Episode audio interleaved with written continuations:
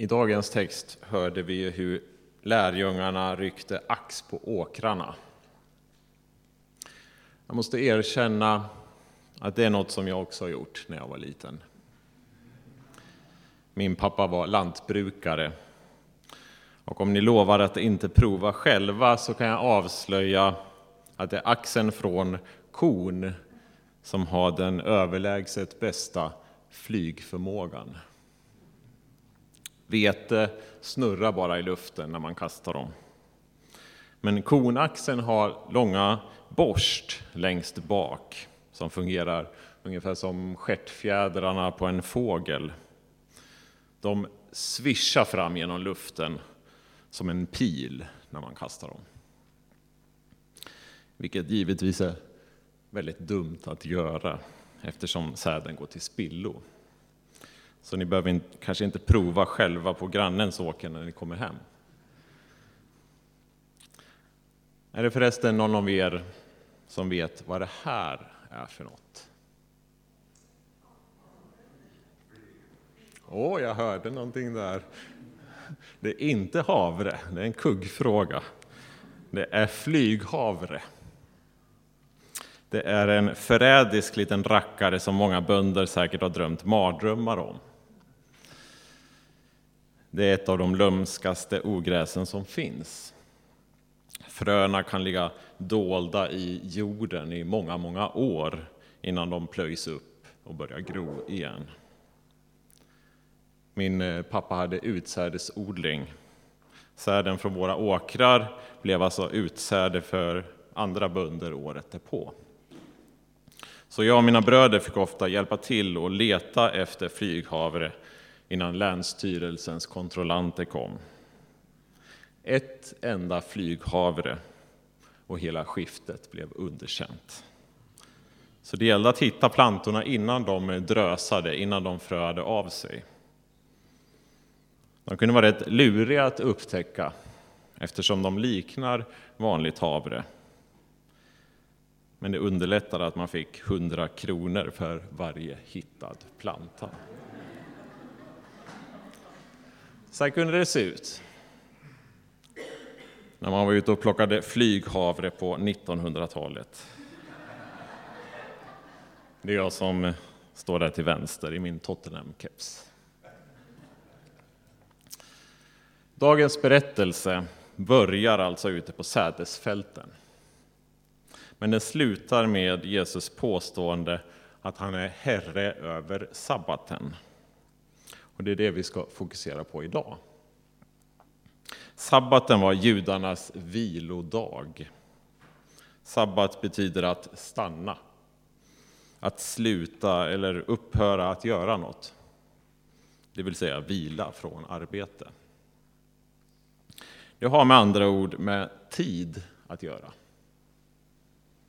Hela vår uppdelning som de flesta av oss tar för givet mellan vardagar, alltså vanliga dagar när man arbetar eller går i skolan, och helger, helgdagar, det vill säga heliga dagar, när vi får vila. Hela den här uppdelningen, sättet vi föreställer oss tiden, har alltså sitt ursprung i Bibeln.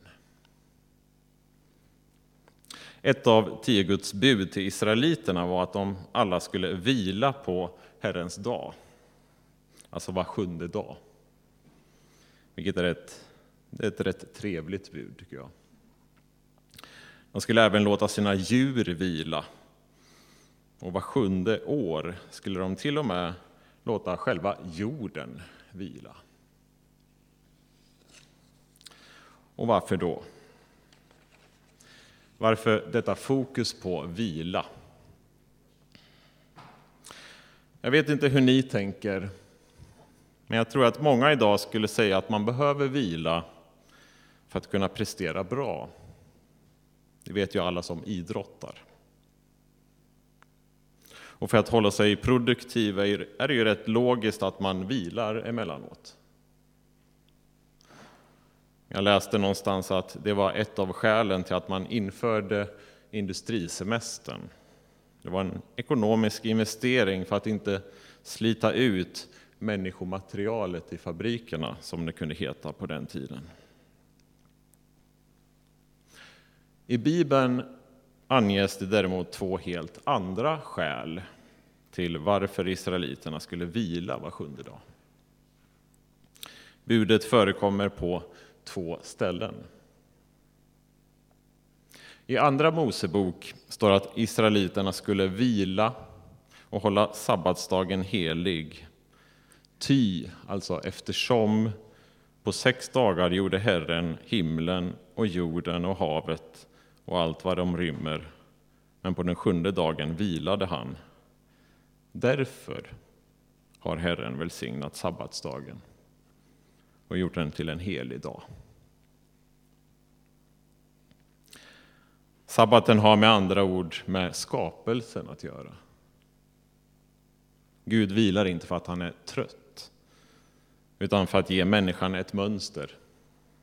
Ett sätt för oss som lever i tiden att efterlikna vår skapare som är av evighet.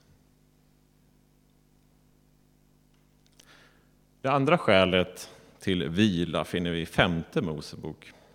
Där har skälet att göra med israeliternas befrielse från slaveri i Egypten.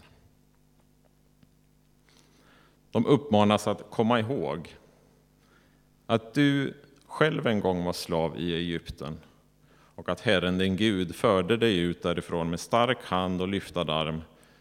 Därför har Herren din Gud befallt dig att fira sabbatsdagen. En biblisk syn på vila handlar alltså inte främst om att maximera resultat, produktivitet eller effektivitet. Jesus sa ju att sabbaten blev till för människan och inte människan för sabbaten. Vilan är ytterst sett en gåva från Gud. Kontrasten mot andra folk på den här tiden är slående. I babyloniska myter förekommer exempelvis också en gudomlig vila. Här ser vi en bild av deras gud Marduk. Enligt babyloniernas berättelser är det gudarna själva som slappnar av efter att ha skapat världen. Och människorna som tvingas arbeta i deras ställe. En syn på världen som är ytterst användbar om man som kung vill hålla folk i slaveri. Ett slaveri som Bibelns Gud alltså vill befria människor ifrån. Han vill istället ge oss vila. Så när Jesus säger Kom till mig, alla ni som är tyngda av bördor, jag ska skänka er vila. Så gör han anspråk på att vara sabbatens herre. Alltså samma herre som befriade israeliterna från deras slaveri.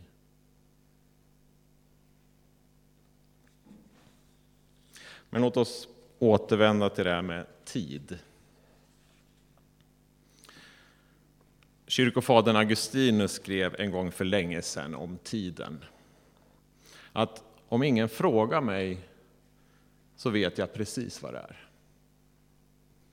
Men om jag skulle bli ombedd att förklara för någon vad tid är vet jag plötsligt inte vad det är för något.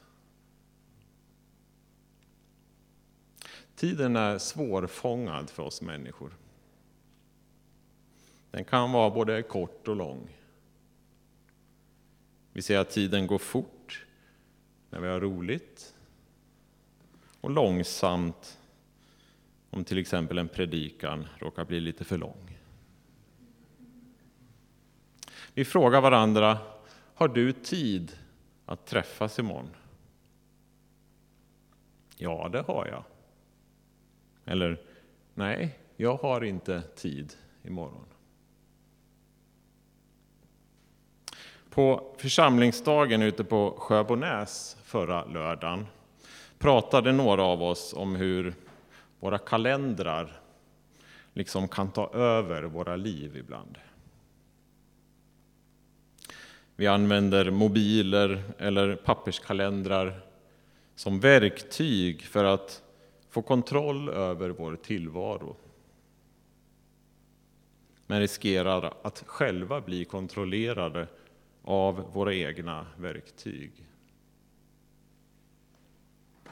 Kalendern består av tomma rutor som liksom väntar på att bli ifyllda av dess ägare. Kalenderifyllandet, som även jag ägnar mig åt, har blivit en slags rituell handling för oss moderna människor. En självklar, regelbunden praktik som vi lär oss redan i skolan och som formar vårt sätt att se på tiden. Ett synsätt där min tid tillhör mig.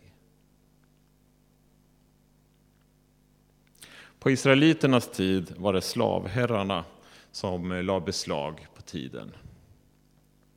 Folket tvingades arbeta från morgon till kväll. Idag gör vi oss själva till herrar över tiden och riskerar att hamna i ett annat slags slaveri. Det berömda ekorrhjulet. Sabbatsvilan utmanar både slaveriherrarnas synsätt och den moderna individens synsätt.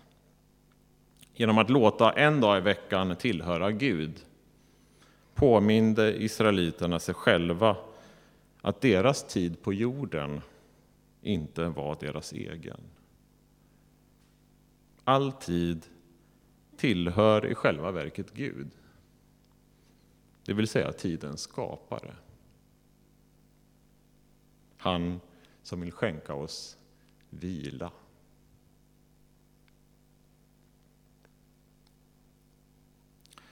Så hur är det nu? Betyder allt det här att kristna också bör respektera den judiska vilodagen? Svaret har sett olika ut i olika tider och i olika sammanhang. Själv tror jag att aposteln Paulus ger oss bäst vägledning. I den tidiga församlingen var det här nämligen en het fråga. Judar som kom till tro på Jesus fortsatte oftast hålla sabbaten. Det var naturligt för dem eftersom de hade växt upp med det. Men när folk från andra kulturer kom till tro var det inte längre lika självklart. Det blev till och med bråk i vissa församlingar om hur man bör leva som kristen. Och I ett av sina brev till en av dessa församlingar skrev Paulus så här. Gud avväpnade härskarna och makterna och utsatte dem för allas förakt när han triumferade över dem genom Kristus Paulus pratar här om hur Jesus gav sitt liv på korset. Låt därför ingen döma er för hur ni iakttar högtider eller nymånar eller sabbater. Sådant är skuggan av det som skulle komma. Själva kroppen är Kristus.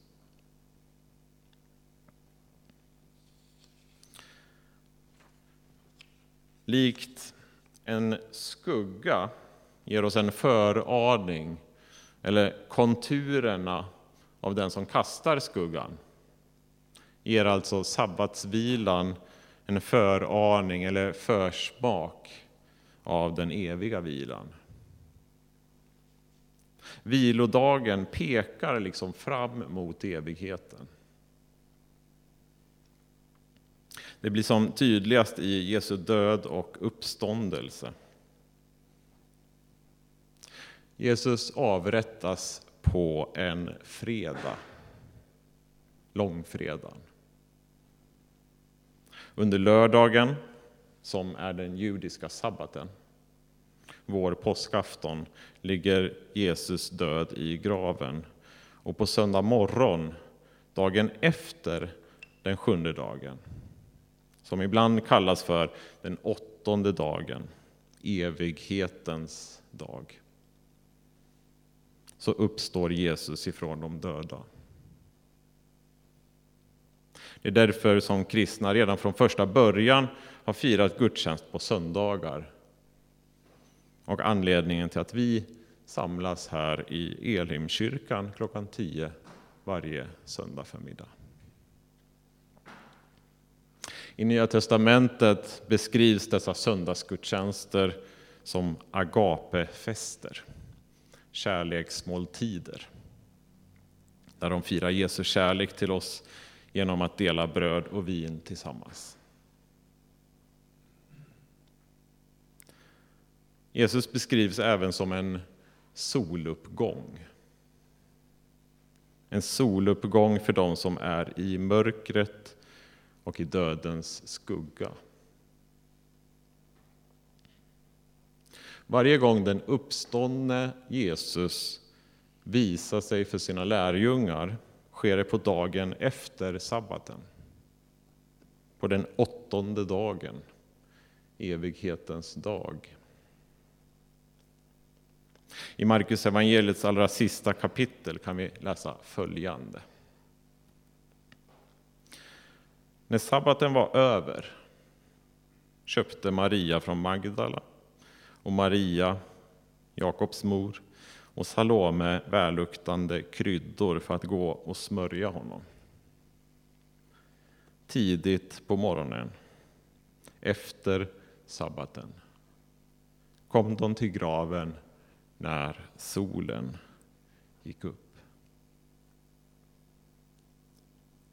Och där i trädgården, i lustgården bortom den tomma graven, får de möta det eviga ljuset. Jesus uppståndelse är den första dagen i den nya skapelsen.